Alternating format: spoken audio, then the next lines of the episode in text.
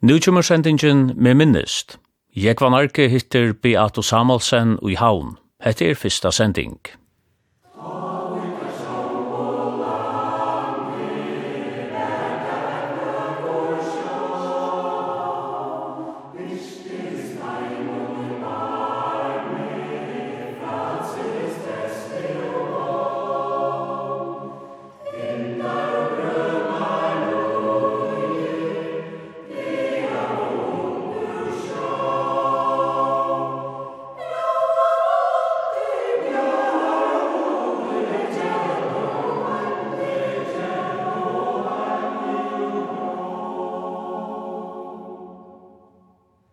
Gjester tjåkne det er Beata Lindenskau Samuelsen, som hever arbeidt en stor part av sin liv av Dimalating, men i det er hun med den andre form av i landsfella pensjonister. Kan du fortelle oss sinder om etter landsfella? Landsfella pensjonister, det er en paraplyorganisasjon, og her er det 16 limafelle, knyttet til fellene, og de 16 limafellegene til samans hava omlai 600 eller 600 limer som betalar limagjald til lokalfeløyene, eldrafeløyene i Pjøjæsl. Og vi tar oss med oppgave at rådgjeva landstyrnum og myndleikun og i ötlun vi i skiftun som hava vi eldre økja gjerra. Og vi vil ha kalla inn til høyringar, ta i kundgjerer og lover er i gang til å bli smuja og vi har så kalla inn til høyringar og i løktinginun i samband vi heter saman. Og så vi har vi spurt, og vi spyrir at hei som sitter her som uh, politikere, og til så til. Og så gjør jeg politikere som de vilja, enten de vil ha lyst etter okken, etla leta vera, være, et eller annet. Og hvordan er det av tøy? Det er uh, imist. Jeg vil si at jeg, som helt lyst at de vel etter, jo, det gjør jeg det. Men uh, så er det noen ting som vi kanskje inn i middelen kunne yngst dere, og som vi eisne gjør vel kjenner, og at de har funnet noen, men det er ikke alltid at det er gong så øyla godt. Men altså, det er lurt, det er det, ja. Hva til vi ikke lukkast til at du kunne få? Ja, men skulle vi teka nekka et døme, så er det sett at vi måldrukkningsne vi får pensjon, at hvis vi tjener for nekk og dum pensjonene, til nekkpensjonister er vel fire til arbeid, og her var kanskje sånn egen fyrtøk i eisene, og hvis jeg så tjener for nekk, så vil jeg trekke til i pensjonene. Og her vil jeg vil hava til vekk, det at noen opphatt skal være marsje til når man vil trekke til, når man ikke vil trekke til. Så vi talte at vi betaler jo ikke skatt av pensjonene, men vi betaler skatt av samhaldsfastan. Og hvis vi så sier til at det er det, så skulle det ikke bare være hva vi tjener og dumt det, men så skal det bare fette vekk. At bare er her, så er det at vi tar vi tjener noen eika, så betaler vi almindelig skatt av tog, akkurat som alle andre betaler tog som det tjener. Det måtte lagt vel om tja, myndelig, ikke takk. Men det er omgang gåan utan ein flokk en flokkur til grunn vi tog. Han er altså ikke samgång på nu. Så du vant han ikke nu? Vi har fratt at ikke av tog kommer nu, nei. Men vi har hørt politikerne sier det, med andre eisne landstyrskvinner i Almanamalen, sier Stenberg sier at til vi er på 45 000 nu, senast gå knapp for årene, at det kommer på 30 000 er motdrukningen, drukningen, reker Annars hadde jeg sagt at det skulle komme på 100 000, bakbund og alse, men det er så dott ni fyra, så det er blir en samtom, samgångan at det skal oppa trus, tusen. Er det andre som ligger dikken kunne gjøre Ja, så var det eisen eh, pensjonsnuskibanen som kom i gilde, for noen år siden. Her var det flere sånne tekniske ting eisen i pensjonene, hver vi ikke var særlig samt. Med annet så deilet de pensjonsnuskibanene opp i tvei, de som er født, og er den 1. januar 1953, og de som er født 18 av 1. januar 2020. Her er monera, da det kommer til skatt og pensjon. Vi som er født åren 1. januar 2020, vi genga vi er som det alltid er vere.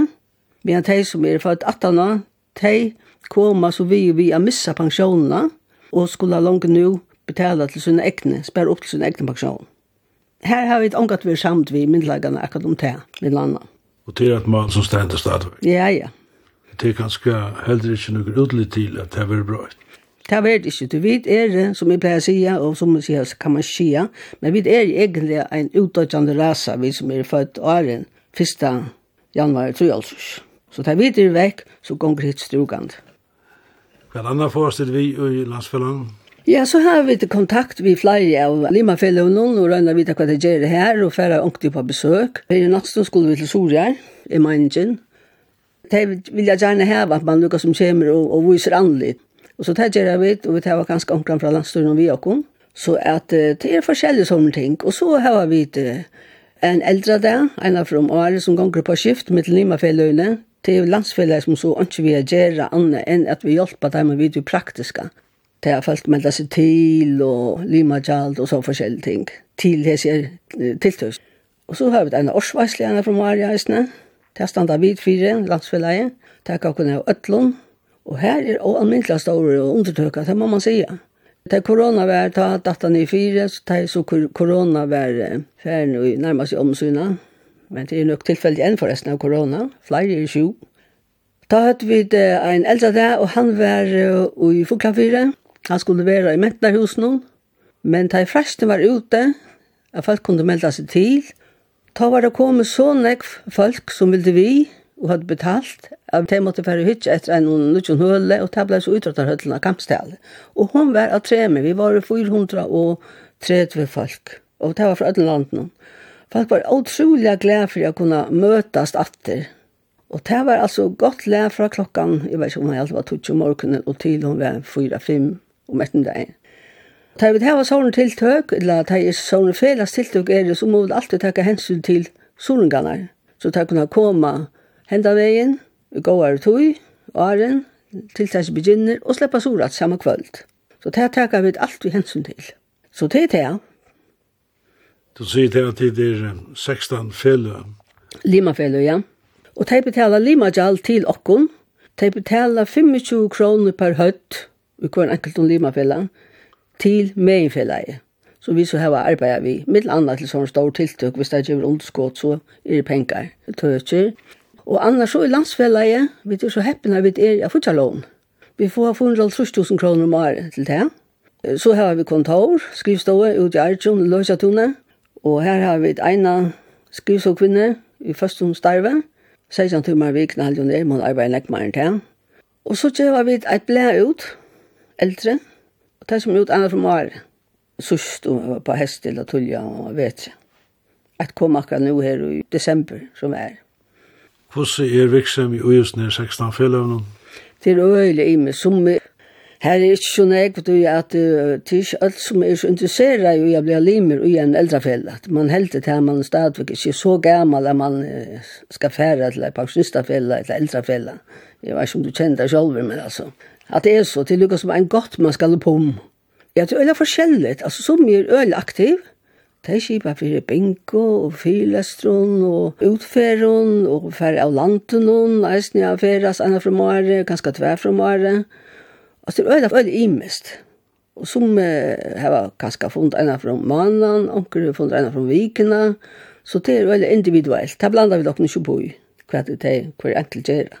Men det er nok så ringt Tja, som og fel, og onkurs fel hever bare en 8-12 limer, men andre hever flere hundre. Så det er veldig imest. Det er store fjellet, det er veldig ja. Ja, og Klaksvik er det største fjellet, og jeg har beskilt at i Soren her er tvei fjellet, og i Vavnen her er det største fjellet, og jeg visste Så det er veldig imist, hvordan det er. Og det er ikke av en anbar hver, det er som kommer i nevntene. Det er det nevnt vel, så vil jeg så mye, og du veist. Nei, jeg halde, jeg er nok den rette, eller rette, og så videre. Så man skal lukka som røyna, når man skal prutta, så folk vil jeg være via, være vil nevnte limer. Vi har en åndre gjerne så øyla framfor, som kanskje man ikke vil heva det. Så det er kanskje for, det er kanskje for nek vald, eller hva man skal si, ja. Så det er så forskjellig som folk er. Hvordan langer du være limer i en eldre felan? Ja, jeg, nu har jeg bare vært limer i Havna Pensjøstavilla. Her meldte jeg meg inn i 2014 halvt igjen, og det var i samband med at eldre øyne skulle legges ut i 2015, mener jeg, for seg var 15. Det var en stor fond oppe i Hotel Farjon, her var øyne jeg folk. Bussar kom, imsa stedene i landen, og vi, vi følte, og Arne Torsten som var, var former ta, Men ta seg eldre fela i meg, og jeg, altså eldre øk og sånn, jeg tenkte, jeg får bare nye lusta, jeg har hørt en lusing og, og utvart noen. Men at han hadde han funnet en stokk, nei, nu, nu halte jeg, nå får jeg melde meg inn. Ui, havna pensjonsavbønda, det gjør det jo sånn. Så jeg må ha meldet meg inn ta i 2015, kanskje ut fra. Og så ble jeg hengende her, og så en av så kom for å ta hverandre en form av her, Høgne Høygård, og Åtne Johannesen, Åtne i Smerne. Han var ombå for han var på en sistefella i landsfellan, i annars skal landsfella i Væfrenæka, ta. Så kom det til min prikka med økslene og spurte om jeg i hotla stille opp tarra vekkene, felaksens vekkene. Det skulle være elfunnet i landsfellan. Ja, det var ikke, det visste jeg ikke, vi skal det Væfrenæka. Jo, mye kunne det. Ok, det kunne jeg godt. Jeg stille opp, la tar stille meg opp, til feløen som stilla folk opp til nevntene, til ikke hver enkelte limer som stilla nærkene, eller man stilla ikke hver annan opp, til feløen som stilla opp, der stilla hun med opp, og så blei valgt. Og det må så ha vært jo i 16 halvtid tid. Nevnta limer her enn tvei år, og henne blei formøver. Og hvordan kom til å fire at du ble formøver? Ja, det blei vi bare så slik. jeg vet ikke, jeg vet ikke. Men, men det var så nevnta vel her, og jeg kom i nevntene, så tvei år at han var, så skulle de atter hava en. Og som regel er det bare at han har jeg. Han nevnte funnet her, den første. Vi tar nødvendig som er valgt, hvis det er noe nødvendig. Og så skulle vi velge formann, og så sier Ingeborg Winter, som var være formann, nattformann ta, og Arne Torstensson var formann, men jeg sagt seg fra. Ja, nå skulle vi ta som formann, sier hun, og, og velge bjatt. Nei, jeg slag jo opp og velge bjatt Og jeg ble rævla klokt, jeg iverhørs forvant av det. Jeg trodde at hun, som er vært limer her, sånn jeg var, hun skulle sjå vant være for meg. Så er jeg finnes jo sommer med så som nøklund, og så har jeg valgt. Ja, jeg slett opp at hun skulle være for meg, men jeg er så bare en av stemme, og vi er fem, så henne fyra valgte meg. Så det ble det. Og så har vi henne her så igjen. Du nevnte Erne Torsten som var for meg fra Maranda. Ja, han var en øyla, øyla god for meg øyla sigelir og var øyla nek inn i ui ötlun, altså. Det må man sige. Vi uh, snakka ofta om han, altså, hei han jo bare liva enn han det i det, så kunne jeg hjelpe okkur med hæsen her, så han er simpelthen klebjern, altså, han myntes til det forskjellige, han er det, nu gengar vi då leita og kongeron og forskjellige sår, men altså, han heit i høtten, så det ligger nekv etter han, og det som vi så har gjort til det, at vi atle er leta nekk at du tilfær som hefur verið jøgn tøyina. Alt det som ligger her skal nian av Kjellasavn. Så vi hava snakka vi tar her oppe, og tar var greit okken fra gos vi skulle gjere og sånne, og her var Arne primus motor vi har samla tilfær. Så tær ikke klorsla elvera oppe av Kjellasavn, og nekk av tøy som Arne her vi til å registrera, og hittja alt i jøgn, hverst einast av sjel, hver rokning, alt, hver brev, alt, alt ligger her så det er ikke for fest. Så det er godt å ha det her, lakker etterkommere. Hva er det sørste du som det største oppgaven til landsfellene i løtene? Ja, hva er det til? Det er nærmest dette her vi har ved røyne få all flokkene, de politiske flokkene til, som vi sier i Jane, å stryke dette vi motdrukningene. Det er det aller, aller største til åkene. Og så er det få samskifte meira vi vi öll feløyne. Vi røyna hjelpa som en feløyne, og det kan hava ganske hod til at vi skimmer vi minkar sin til røyna, skal skumpa under så det ikke døyr, det er veldig viktig at pensjonistene halda saman. Så vi er så nek, vi blir flere og flere. Så at det er veldig viktig at vi hava et talerør, et felags talerør for pensjonistene. Det er okkar primæra oppgave. Rollan kja pensjonisten i samfellan, og hun brøydist alla tøyina, ui vi etter det blei. Ja, og folk her er jo helst ikke så med meining, vi er så imisk, altså, i alla matar, og det er jo alle flokkar, alle politiske felu er egentlig omboa ui enn sånne store rikvi av folk, det sier seg sjalt. Men vi tar til alle felaks, at vi er pensjonister. Og så sier anker, ja, ja, men hvis de vil ha noen ting ut, så stille opp. Nei, det har de ikke vil gjøre. Tui at tatsi man atru i krambolage vi esta vid det politiska, altså det er ikke ivast tui, hvis man sitter i opp, så pensistafella kommer få et ombok, eller ganske tvei, det er ikke ivast du, Men det er man er beina å komme i krambolage vi til politiske tingene som skulle stemmas i jøgnena, ja. det var kanskje mot tog som man egentlig i opp til, nemlig bare her vi eldre øyne gjøre. Det här är allt möjligt annat som man så sagt i det att folk klockan är gänga på kompromiss alla vägen i jöknen, inte minst nu folk att inte någon. Så det är väl ett problem alltså. Det är ganska just det att att fela är sintrast i bench 4. Tog alltid det är viktigt att man helt samman på landsfällaje, paraplyorganisationerna och vi rötja uppgavna som vi täva i för okra limon, eller ötlun landsens pensionistum, halde jeg. Vi ættan til Eide Lindenskov og Samuelsen til middelnavn og etternavn, la dere si ja. så leis. Og det sier jeg sender om hvem du er. Ja, jeg er 82 rappar og tver ommer. Mamma min var ur Vestmanna, av Heijon, papen er at Johannes, og mamma er at Lisbeth, hun var Skalic. Abbe var Heijon i Vestmanna, ja. Og han kjøpte seg så navn, et navn i Fonsdal. Og han var kjipare, og Og seiten så var han havnameistare til eldre årene. Og da man sa han, så sa man alltid en hund. Han er alltid hund, sa seg. Og hundene som han hei, ikke alltid finn. Så skal jeg fortelle henne en, en, en fitta service, akkurat samband vi te. Og te vært te, og vi hadde finnet den yngsta sonen. Han var blitt døpter i havn. Så sier Thomas av dommerkontoren, Thomas Thomasen, han møtte pappa min, Så sier han, jo, sier han, det har badna dop. Å, ja, ja, sier pappa, ja, ja. Ja, og gos jeg eitre han så. Nei, jeg tar malet det, han dronker var døpt sunde. Nei, han har glemt gos jeg nært, pappa. Så sier han, altså, du er ikke langt glemt han, dronker han eitre.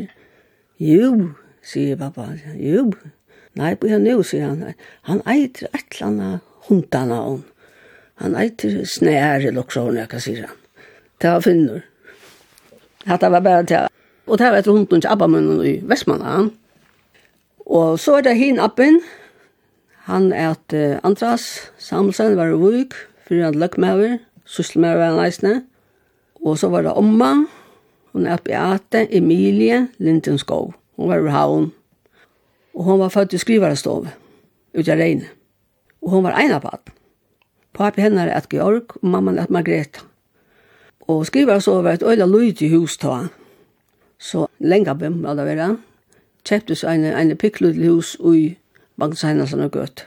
Bant her vi trappene som gong fra Voksbottene, fra Sirkus, ja, nu var det Sirkus 4, at jeg har jakke, skålsøla. Da vi nian etter nøk trapptrinn igjen, og så iver mot ropa. Der er en sånn smøl passasje, midt ui her, litt av de husene. Det er øyla lyd, eller var det øyla lyd Og det blir verand i familien i nekvar. Til sust åtte Benny, Samuelsen, sista balltjammar, det eldste sista balltjammar for klaffyret, ivdog husene, og så henta jo så ble husene selt. Så det er i værvarsel til familien, og nekv, nekv, nekv var. Så det er omma. Hun er født i skrivastove, Beata. Jeg eit jo etter henne, Beate Lindenskov Samuelsen. Hun er Beate Emilie Lindenskov. Og jeg var så glad som baden, at hvis jeg visste var navnet Beata, så for skretselig har gjort helt. Men jeg var glad for at, jeg ikke eisne at Emilie, til jeg til helt var oppadlig av deg. Men som jeg vokste til, og ta at jeg var blivet omkring trus, da tenkte nei, jeg vil gjerne heve at han navnet, Emilie, knutt et min navn. Så jeg eide etter henne. Jeg var han i kyrkene, om at kyrkontoret i havn, slapp jeg hit i kyrkbøkene, Og så her at hun var døpt Beate Emilie Lindeskov, her stod jeg hvor var gubbar og gummer og alt det her. Og så skriver jeg brev ut i landstyret og ber om løyve å slippe eit etter ommen som var født ta og ta, døpt ta og ta. Fikk brev etter at her kunne jeg ikke. Jeg kunne eit av Beate Emilia Lindeskov, det vil jeg ikke. Jeg kunne eisne eit av Beate Milja Lindeskov, det vil jeg heller ikke. Så jeg blir helt mot navn. Beate, men jeg har så lykka vel. Eller jeg lorst hva jeg satt jeg ut i landstøyen. Kalla meg en iuge enn ekvar, Beate Emilie, Linsenskov, Samuelsen. Og det sender jeg av Facebook, altså, Emilie, og det er at jeg standa til hei for omvina, som jeg er tjett. Og så heter han Abbaisen. Andras, ja, han var født i Vuk, det var nek syskjen. Nu har vi hørt alle søvnar om attena som er i Baumen, vi, bei mamma sa og tanja på min Men det var innsjøkken annen øyre ut at jøkken hit, og det er sin kjedd av nå i det. Men han var så fattig i en liten hus her i Haldarsvøk, et hus som stadigvæk er i familiens eie, som man sier, i Gazareum, hver nøkra av mine siste bøttene, ur Foklafire, eie huset, og her var alt det omhentig, og passa vel og prata, og leta det være ut i stande som det eier å være. Og jeg har ikke brøtt nekka. Så det er nok så stuttelig. Da vi har haft onkra familjevarsler, hva vi har av så har vi eisne vært her i Norge, og så eisne vært i kyrkene her i Norge, bare vi lukkast at. Eisne helse på familie, vi har jo familie her i Vøyk. Vi har ikke nek samband med det, men onkran har vi, her i Norge fra. Så man røyne lukkast som å halda fast vi attene. Men du har hørt det syndrom andras? Ja, ja, ja, sjálvan har vi det. Han var jo en øyla fyttrapp, forferdelig fyttrapp. Så tar vi var jo fyrreist her, Så platte papen min, etla papabakken mun trykve. Jeg vet ikke en annan. Papabakken er steinkrig, men han døg jo så tullja. Men tar bare, og pappa mun platte så å sida vinteren og stovene her. Det er en stor hus, Sysselmannshusene i Foklapire. Ja. Som man kallar det ta, det er litt jo Sysselmannsbrekkene, som gøtan eit, hvis nok i det. Ta blant det sida her, og så om måten der, så skulle ta barberen og vasken og maari og ansikt og alt det her. Og så satt han vi mer i føvningen og medan det her ble gjørst enn enda sjanksan. Og så satt han nesten som, jeg er ikke apekattene, men alltså där sitter vi vid onknon som og pilka lustnar av onknon. Så satt han vi mer og, og, og hukte nu høtt jeg mer. Og så sier han, ja, jag lät noe appa vit om en äkla krake gänger og spasere nu til du kommer få klaffyra. Därför jag vet mig jag är løs. Men han fann nog at närka nei. Men han var øyla god i familiene. Det ene färgerna, det har man har varit en gåan sundag. Vi var nøkker familien som var ferdig en tur til Hettlenar. Vi får fyrst løndafirer, silt, stima og fyrnast av vever. Og så gikk vi til Hettlenar, og her var det som teknikolen i mittel løndafir og Da som vi skulle i jøkkenen. Og der høtte unger, reier av oss der, Hettlenar, Så der støttes i alle tunne nyre av høtte, og jeg var sjokkeret, jeg aldri opplevde så overfor, at man skulle lukka som veipa ved armen og pyr høtten, for jeg var det vekk, så det er ikke pikka og håla skattlene av der. Og så kom vi til her, og her var vi så inn til siste baden til pappa min noen. Fikk drekka, vi tar veri igjen, tog ikke folk, og kom på besøk plutselig.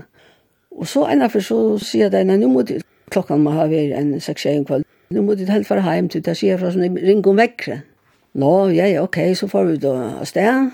Skunda jo kunne lette noe, og han øtla i vinteren og øyla nek, og vi får om han i baten, altså litt lille motorbater, eller maskinbater, og får så av sted. Og det var en rævlig elvever. Helt forferdelig ringt vever. Men vi silte så helt inn mot landet. Så ruttlet det ikke i landet. Jeg var rævlig bensjen, jeg var alltid ved bensjen av sjånen. Så begynte fastemoen, hun var vi eisen. Jeg synes jeg solmer, det gjør det ikke bedre. Altså. Man ble oppe til bare så jeg sånn, og hun har lignet til tilpasser vi. har høyre på henne til hun sier solmerne. Nå, så kommer vi til Foklafyrer, og hver stende fire, og kom til Abbe Andras. Og han var rasant iver, vi behöver var färden. Vi ska bara ha ivernattare i hällen, säger han. Att vi var komna just ner uh, Ringavägen. Alltså, han är ju själv i bänken. Han är glad för att vi kom. Men vi fick en sauna skuld som jag vet inte vad det är. Alltid säger Abba så ytland som tar. Så bänken här, han var om och han tror att vi kommer inte att tro att. Så till en liten söva i sin Abba att han tog sig en om nästa generation. Så ja, ja, det var han. Han var første løgmøver, og gjør det. Ja, det var han. Men han snakka jo omgang om det, i vår høver.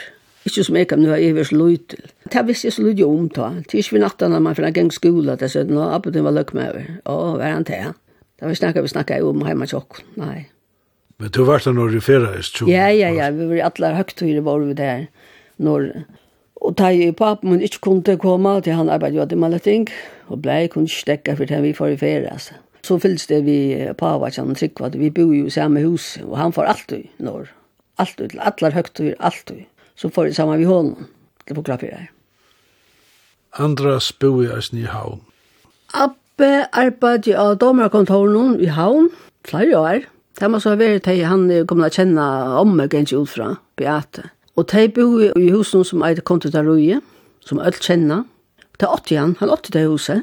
Og her er papen min født Pappa er født i 1912, og fastemor var født i 1913, og hun er født i Fuglafir. Så Appi har bo her i noen år, og så fikk han tilbøy av gløya sysselmøver i Estrøyden. Så kom han inn i Estrøyden, med alle sine familie.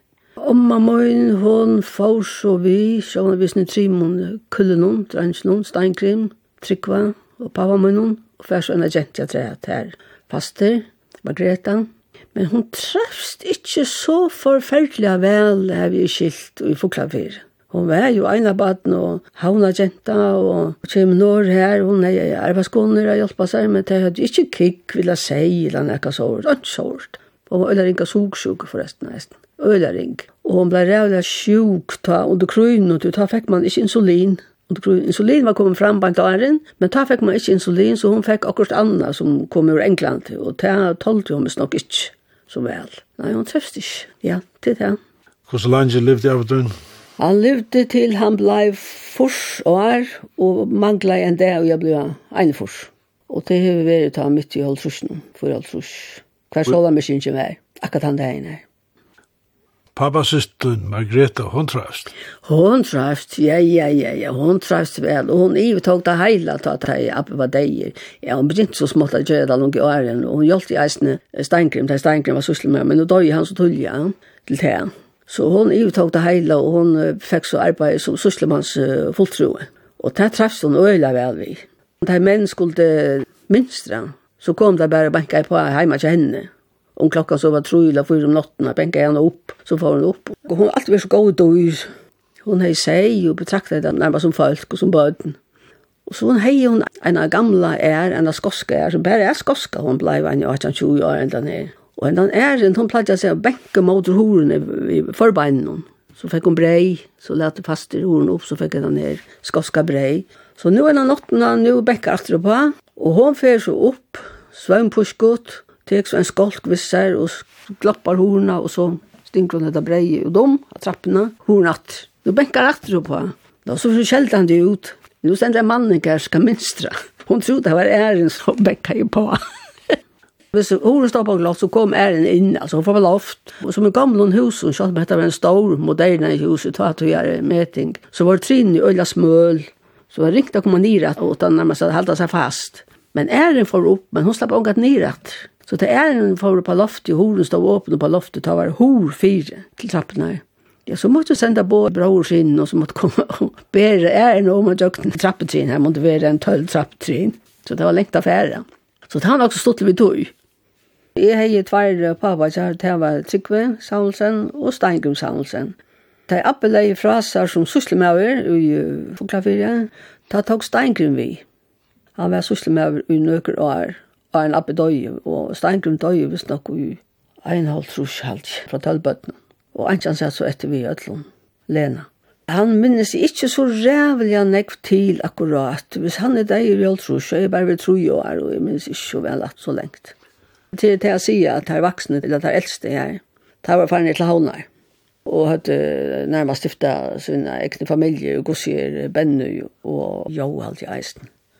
Og du kom til å arbeide sammen med medparten av dem? Seks av dem. Og pappa min. Av dem alle ting. Og her var jeg i 46 år. Og da hadde flere av dem og vi nekmar var nye. Nekmar. Så det var lukket som en vær for seg. Vi snakket jo ikke sånn jeg. Det hadde jo tiltidkje at at her visste hva her skulle gjøre, jeg visste hva det skulle gjøre, og, og det var det. Man sussa ikke sånn jeg. Men her var ekkert hun aldri av dem alle. Det må man si. Det var en stor familie. Ja Og Peter F. Kristiansen, han var fortsatt stjåri, eller hva man skal si, han sette av pengakassan, og han var øyla spæren. Så til man skulle ha en blokk, så måtte man igjen i bokhandelen kjeipa en blokk og betale han sjolver. Skulle man ha en penn, så måtte man eisen igjen i bokhandelen, gamla bokhandelen, og kjeipa han sjolver. Og jeg vil så fruktelig at gjerne hava en telefon. Man ringte jo alle togene, snakka vi folk. Det har lært seg ikke gjøre at det kostet, jeg kunne bruka telefonen i avgræsel. Så jeg måtte ut her hver jeg skulle bruka telefonen. Og så fikk jeg en telefon, lengt og landje, så ville jeg eisne ha radio, jeg var veldig krevjant, men jeg var radio eisne. Til rom noen i husene var sånn radio, sånn kvøy som var oppe i en hjørne, man bare skrua ifra, det var så var det en stasjon, det var utvarp, ja. Nei, nei, nei, det kostet jeg for nek. Men så ena fra i juk og japp om etter her, jo, så kom han, så det lukka eist. Og vi var sånn vet du, vi tatt eisne lærlingar og sånn, og vi ble meir og meir, og ikke så var det høle, ikke køker. Jeg var pikkeløyt i arkiv, hver alt bløyene var som smav og hittlund. Og her stod jeg løyt i fyra kanta bor, det var støyne som stålen som jeg sier jo i her. Det var helt det samme vi tvein, til beinene dott i undan. Kaffe kunne man bare gjøre, jeg brukar en sånn dippkokare som stod som her. Vi har en dippkokare i ui her i kanne, vi ånger låts. Og jeg helt så irriterende, jeg har alle svalgsen rennende inn som her, hver efter jeg skulle ha en av te eller en koppa kaffe, til jeg skulle hita vatten i ned. Og her inne i arkiven var ønsken stikkontakt. Så jeg fyrsleir den sammen vi en skrivstokvinne, Solrun Poulsen, som sammen med mannen og største i Milnena, Bekkerøye, Sætne, hun var kontordama til okken, nek var. Så sier du, skulle vi ikke takke okken sammen og spyrja Peter F. om vi skulle få en stor kaffemaskin? Jo, jo, det ble vi deg om, så vi får inn her. Nei, det her kommer bare kaffemaskin, kostet, kostet minst tusen kroner, så. Og vi jobba, vi rønja samla underskrifter, nei, det er ikke slett ikke og ikke tumtja det her, det var Lukas nevnt, det er bare for en kontor som er, og hva er det dippkokeren fra. Men jeg vet ikke på et torspunkt, så kom en kaffemaskin, en stor som hekka vetsjen, øl og stor. Og når jeg var hatt vattnet eisen jo, altså, det var genialt, ta. Så det kom eisen i hus. Så jeg synes ikke gjør det man, men løn fikk man lang. Jeg og Solon får eisen enn jeg finner til bedre, for jeg ber meg løn, Benny var inne i eisen, Kristianvatnet. Han var ikke blæstjør eller noe, men han var, han var her. Spurte om at jeg få sin meg løn. Jeg fikk bare 600 kroner løn måneden, og hun fikk det samme alt. Nå, hvis tid vil jeg ha løn, så er horen her, sier Benny. Horen er her. Vi får så nakka lenkar ut at det finner ikke et øyre i løn, om man har. Du nevnte Vestmannen. Ja. Her er du kommende, Sindre. Ja, jeg kom nek ved Inja Fjør, Appe og Amma bo i Inja Fjør. Amma min har jo omgatt seg, Lisbeth, hun døye av Messlingen i 35 ved halvdje. Da døye hun, og Appe minnes jeg løyte til, han var ångt i havn. Han minnes jeg øyla løyte til, men jeg er en mann bare, Johannes. Jeg er Johannes her. Og her kom en øyla nek. Jeg fyrir her, til åtte fyra bøtt, tror ikke jeg jenter og en dronk. Og den neste yngste her, Julia, Ponsdal, Og jeg var øyla jaunar, hun var lúdja år eldre enn jeg. Så her kom jeg øyla nek, ta sørste tøyna. Arma fikk familie. Så vi, vi gikk jo høytøyna saman, Julia og jeg. Og vi høytja jo saman her. Jeg var, jeg var nærmast høykona i, i Vestmanna vi en tru år. Fikk 50 kroner at fire. Ja. Og her var vi, og så gikk vi høytøyna saman. Hun var matematikare, og jeg var mossenger. Og hon bo til vi var i havn, og jeg har blitt høytelen, da første år jeg hun til systemunne, Lisbeth. Og så flyttet hun nyan i høytelen, da det finnes gjelte kostskole her oppe. Men hon er så deg, tyvärr. Da er hun og at han. Hun ble gift i skala og fikk seks bøten. Så hon døg. Ta men hon levde kom jeg nok så nek her. Men ikke så igjen. Så tid til jeg i Vestmannen. Du vaks på i Trøndergøtten? Ja, Trøndergøtten 2-4 de store reie husene som ligger av hjørnen, Kongagøta, og og som i dag er mottog i huset av Torsna Byra. Det var mitt heim. Her er vi tvei som er født ut i husen, og det var den yngste sonen til Edvard Midens. Han må han eldre enn han må være født i 20, han flott inn her 23, Midens. Og så var det jeg som kom i Kjeifjørt. Så her er tvei som er født her, som jeg pleier å si at det er sikkert tog et mottok i huset til at jeg er morgen tidlig mottokken når jeg snus nå, men det er nok akkurat det som er også ikke til et mottok i huset til bøyrene. Og her bor vi i ære i hattene, i fyrstene bor vi i nye i hattene, papmoen, mamma, Lisbeth, jeg og en arbeidskone. Jeg hadde alltid arbeidskone til jeg årene, minnes det. Og pappa var ikke hun trykker sammen, som bor i pjøa, men han er så kontorene rundt. Så da jeg var jo seks år alt, og så hun kan ta bytte vi dom, så da han fikk en par av de nye i hattene, og vi flyttet jo på, fikk en utkjent køk, og så alle stovene og kømen jo på, vi var jo så negg til det. Så det var, ja, ja, det var en stor hus, og det er det eisen stadvek, det er en flott hus, vil jeg si. Men her var ikke varme i dem, det vi var her, var bare sånn ånar, kakkelånar, så det skulle bæres kål og opp ur noen, kål og koks, Og det kom sjålen fra Valdemar Lutzen, ja, Kolkoksbrenne som stod av, plass stand av lastbilen hon, satt heimen. Og så skulle øskan og alt berast åmanast i kjattleir og ut i skredspanna. Så det var øyla nek sår, altså geng opp og nyr, opp og nyr gjennom trappen her, og halte av huset hatt. Så her bor vi til i trusj alltid. Så orska jeg mamma ikke mer. Da sier, nu, ante vi det skilsmissa, Illa må kjeipa en nytt hus, til hon tømtja genga og bruka krefter på drassa kol kål og koks og alt det her, det var ikke varme var i husen. Så blei vi varmen lagt inn i nyar hattene, det gjør tryggve. Men vi tar stadvei, kamin og så har Men det gjør så gjerra bøyde, og så i tok han husene, ensamhandler, og så flott vi iver i Geilatun, en sugøtt eller krossgøtt. Det var nok stått litt i hundra meter her fra akkar huset, det var spilt ut, det er rett husene her. Her bor Lisbeth, siste min, og hun var blivet gift ved Jakob Petersen og Signabø, og han åtte en enda rett hos her, så var familien lagt samlet her. Og Trygve, han tog ikke gjøre mat, og tog ikke alt det her, så han tjekk i vre etter til henne. På samme måte som han hadde gjort det, vi bor alt sammen, alt familien bor sammen, i Tvendagøte, så fortsetter han via, via kost tja Lisbeth. Så han tjekk i alle vekk, sommer og vetur, og galosjon. Han er alt galosjer. Det er papen forresten eisen. Var han bløyer, Trygve? Bløyer? Ja. Forferdelig bløyer, ja. Øyla, øyla, øyla. Altså han var som en annan pape for meg da vi bodde søndagøtt. Det var han. Tog papen min var øyla engasjeret ved bæg i og satt og skriva i og alt det der. Og så var han engasjeret ved sjånagrøsnen. Leikon som han omsette, og eisen sette jo opp, han instruerade i eisene, og han var så flør. Spalte vi sjolver, det gjør det mamma eisene, det er bæg i tvei. Så det var nekk vekk om kveldene. Men Trygve, han var alltid inne. Så hvis jeg følte meg ensamadlan, og, og arbeidskonan er i fru, så får jeg om av kontoret, bekka jeg på, og så leser han okra søvefirmer. Og det gjør han jo en bok som heter Kongabotjen. Det var en blå bok som er enda eiet han det i det. Det var mest bøylet av kongafamiljen, kong Fredrik og Ingrid og de trim prinsessen, og det var så øyelig eventyr kjent vi tog, ja. Det var om at, om at, Hver leipet nærkast søyer om, men det gjør det vrøvlig.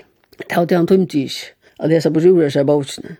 Men det er et minne som jeg har, og som jeg er glad for. Og verdast til at jeg datt til Oksjolnøkka og, og, og håla høtte, så kom han og ordnet det andre som han lakne. Og rensa i sare og bant om og så forskjelligt. Og i arbeidstøy. Så var det lukka mykje mokke var kundi og klienter var her som ganske hei gjørst også, men vi kom ikke borti og som han skulle ganske være verje til, men han sleppte i ötlun og kom og hjelpte meg. Det gjør jeg. Hetta var nok så fjällbrott i grannalen. Ja, ja, ja, ja, ja, ja, det må man ja. I vil jeg bo i Eisen kvist, Thomas. Han var avmetalliga god med mig. Avmetalliga god med mig. Og det var til Eva som ringe av astma, som jeg fikk da jeg var seks år gammel. Og mamma sa hei i øyla ringe astma, han var jo kvivvuk, og han myntes bamsuna, som alltid var sjuk, og hun sikkert ikke tåla hodj og neid og alt det forskjellige som uh, nekker astmapasienter ikke tåla. Så at han kastet seg kjærlighet i meg, Så jeg tjekk at han var hånden som en hundakvalp. Så han hei med vi ut av bakalao og i grind og dette for å kjøre opp. Og ja, jeg var alltid sammen med henne. Alltid. Det må være rega til å hei, kona at heie. Jeg tjekk alltid med hun var synd så das. Nei, han skal ha fri, sier hun til jeg kom inn. Thomas skal ha fri. Nei, jeg vil ikke, jeg sa vel, vi går an, jeg satt kanskje i stoven, eller satt og snorska, jeg bare ikke sånn, jeg vil ikke inn. Så jeg slapp inn. Men han var øyelig, øyelig bløy med. meg. Det seneste som var da i han døye, han døye ta jolun i 8 trus. Det var nere. Sendte han et jolakost, og det var det sørste han les, og en han lett egen i at. Det var jolakost fra meg, og det fortalte døtteren Anlin. Så det var nok så stortlig som meg å vite at han var. Og skåret var med meg. Og det ene ferien som jeg skal legge til, da jeg er i hospitalen, som jeg la øyelig ofte, jeg heter det altså litt her ute, litt en rima sång. Da jeg kom hjem, ta, ja, da jeg tidligere en taxabil, det var selv da man tok en taxabil. Men det hadde jeg så spanderet på meg, pappa, min og mamma. Og av vei hjem, nå kommer han gengende ut etter hospitalsvennen for å bo i Lille Dam, hun er i frisørsalong her. Han var nok så rundt og ute, så han gikk speklet og svinket i vener og valer i Esti, og det var en Esti av kjettetungen. Og han var til hospitalet, jeg spyrte, han skulle vise Beate, nei, hun var akkurat ferdig heim, og han får heim og ut øye, og skjelte jeg ut, han ønskene fortalte henne at det var eller utskriva i hospitalen, og nå var han endelig ferdig ut av vise meg, og ønskene jeg sagt nekka. Jeg skulle ha seg kjettet hunkene, Tui tar man hever astma, da vet at astmapasienter, så græla da nere ui eina, da man ikke får luft. Og tal jo er akkurat da var kjettlingar nere ui brink. Det mynte han at det var mamma som var så ring. Så han kom vi kjette togum, lukka som var i iförd noen tøytninja, som han skulle djeva mer.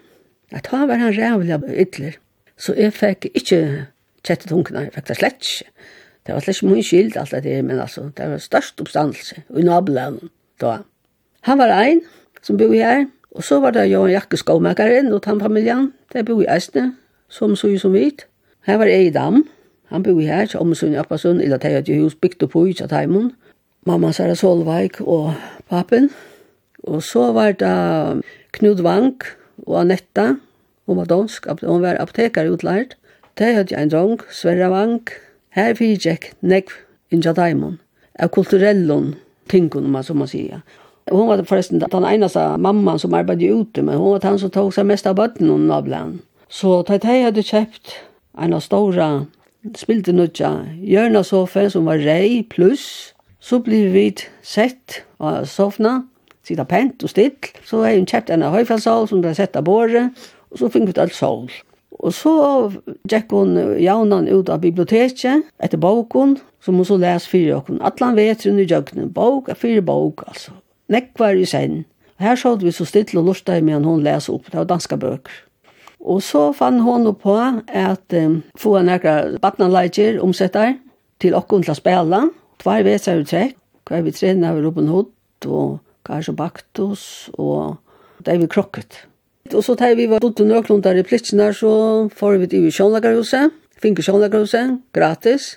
Og så spalte vi Sjønlag, hvis vekkere var godt, så får vi ut av horene her, som vendte ut mot den svinsaskøte, og røpte jeg, vi spiller Sjønlag klokken fyra. Så kommer folk inn, kostar jo ikke, ikke et Sjønlag hva vi var. Det var nok stolt, det må jeg si. Og kulissene og alt gjør vi sjølve lovde jo noe, altså, i øtlom klævene som var på loften og nær, Kjallgrusen. Så det var akkurat spelplass. Og da hon hei notta vakt, og Knut Vanka hei nekva gjer og sånn, så svev Sverige inn tjokk, han så deg nu. Hvis jeg skal nevne akkurat av dem som spalte vi, så var det Åtne Vinter, arkitekten, og Jakob Mørskure, det var flere kjente, og jeg er jo sjånlag, jeg er dem som blei sjånlagare, at han Så det var øyla stolt.